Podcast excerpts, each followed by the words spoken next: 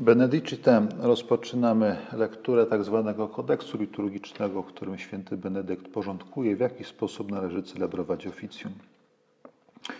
W rozdziale ósmym, które mamy, to co zwraca naszą uwagę, to przede wszystkim e, pewnego rodzaju elastyczność, która świętego Benedykta skłania do tego, żeby umieć godzić e, potrzeby naturalne człowieka, snu i inne z modlitwą, żeby nic nie odbywało się kosztem ludzkiego zdrowia.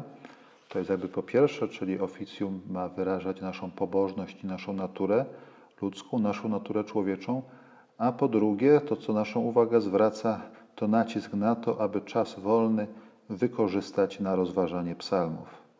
Myślę, że warto zapamiętać te dwa, te dwie cechy benedyktyńskiej liturgii. Umiłowanie psałterza i harmonijne połączenie z codziennością.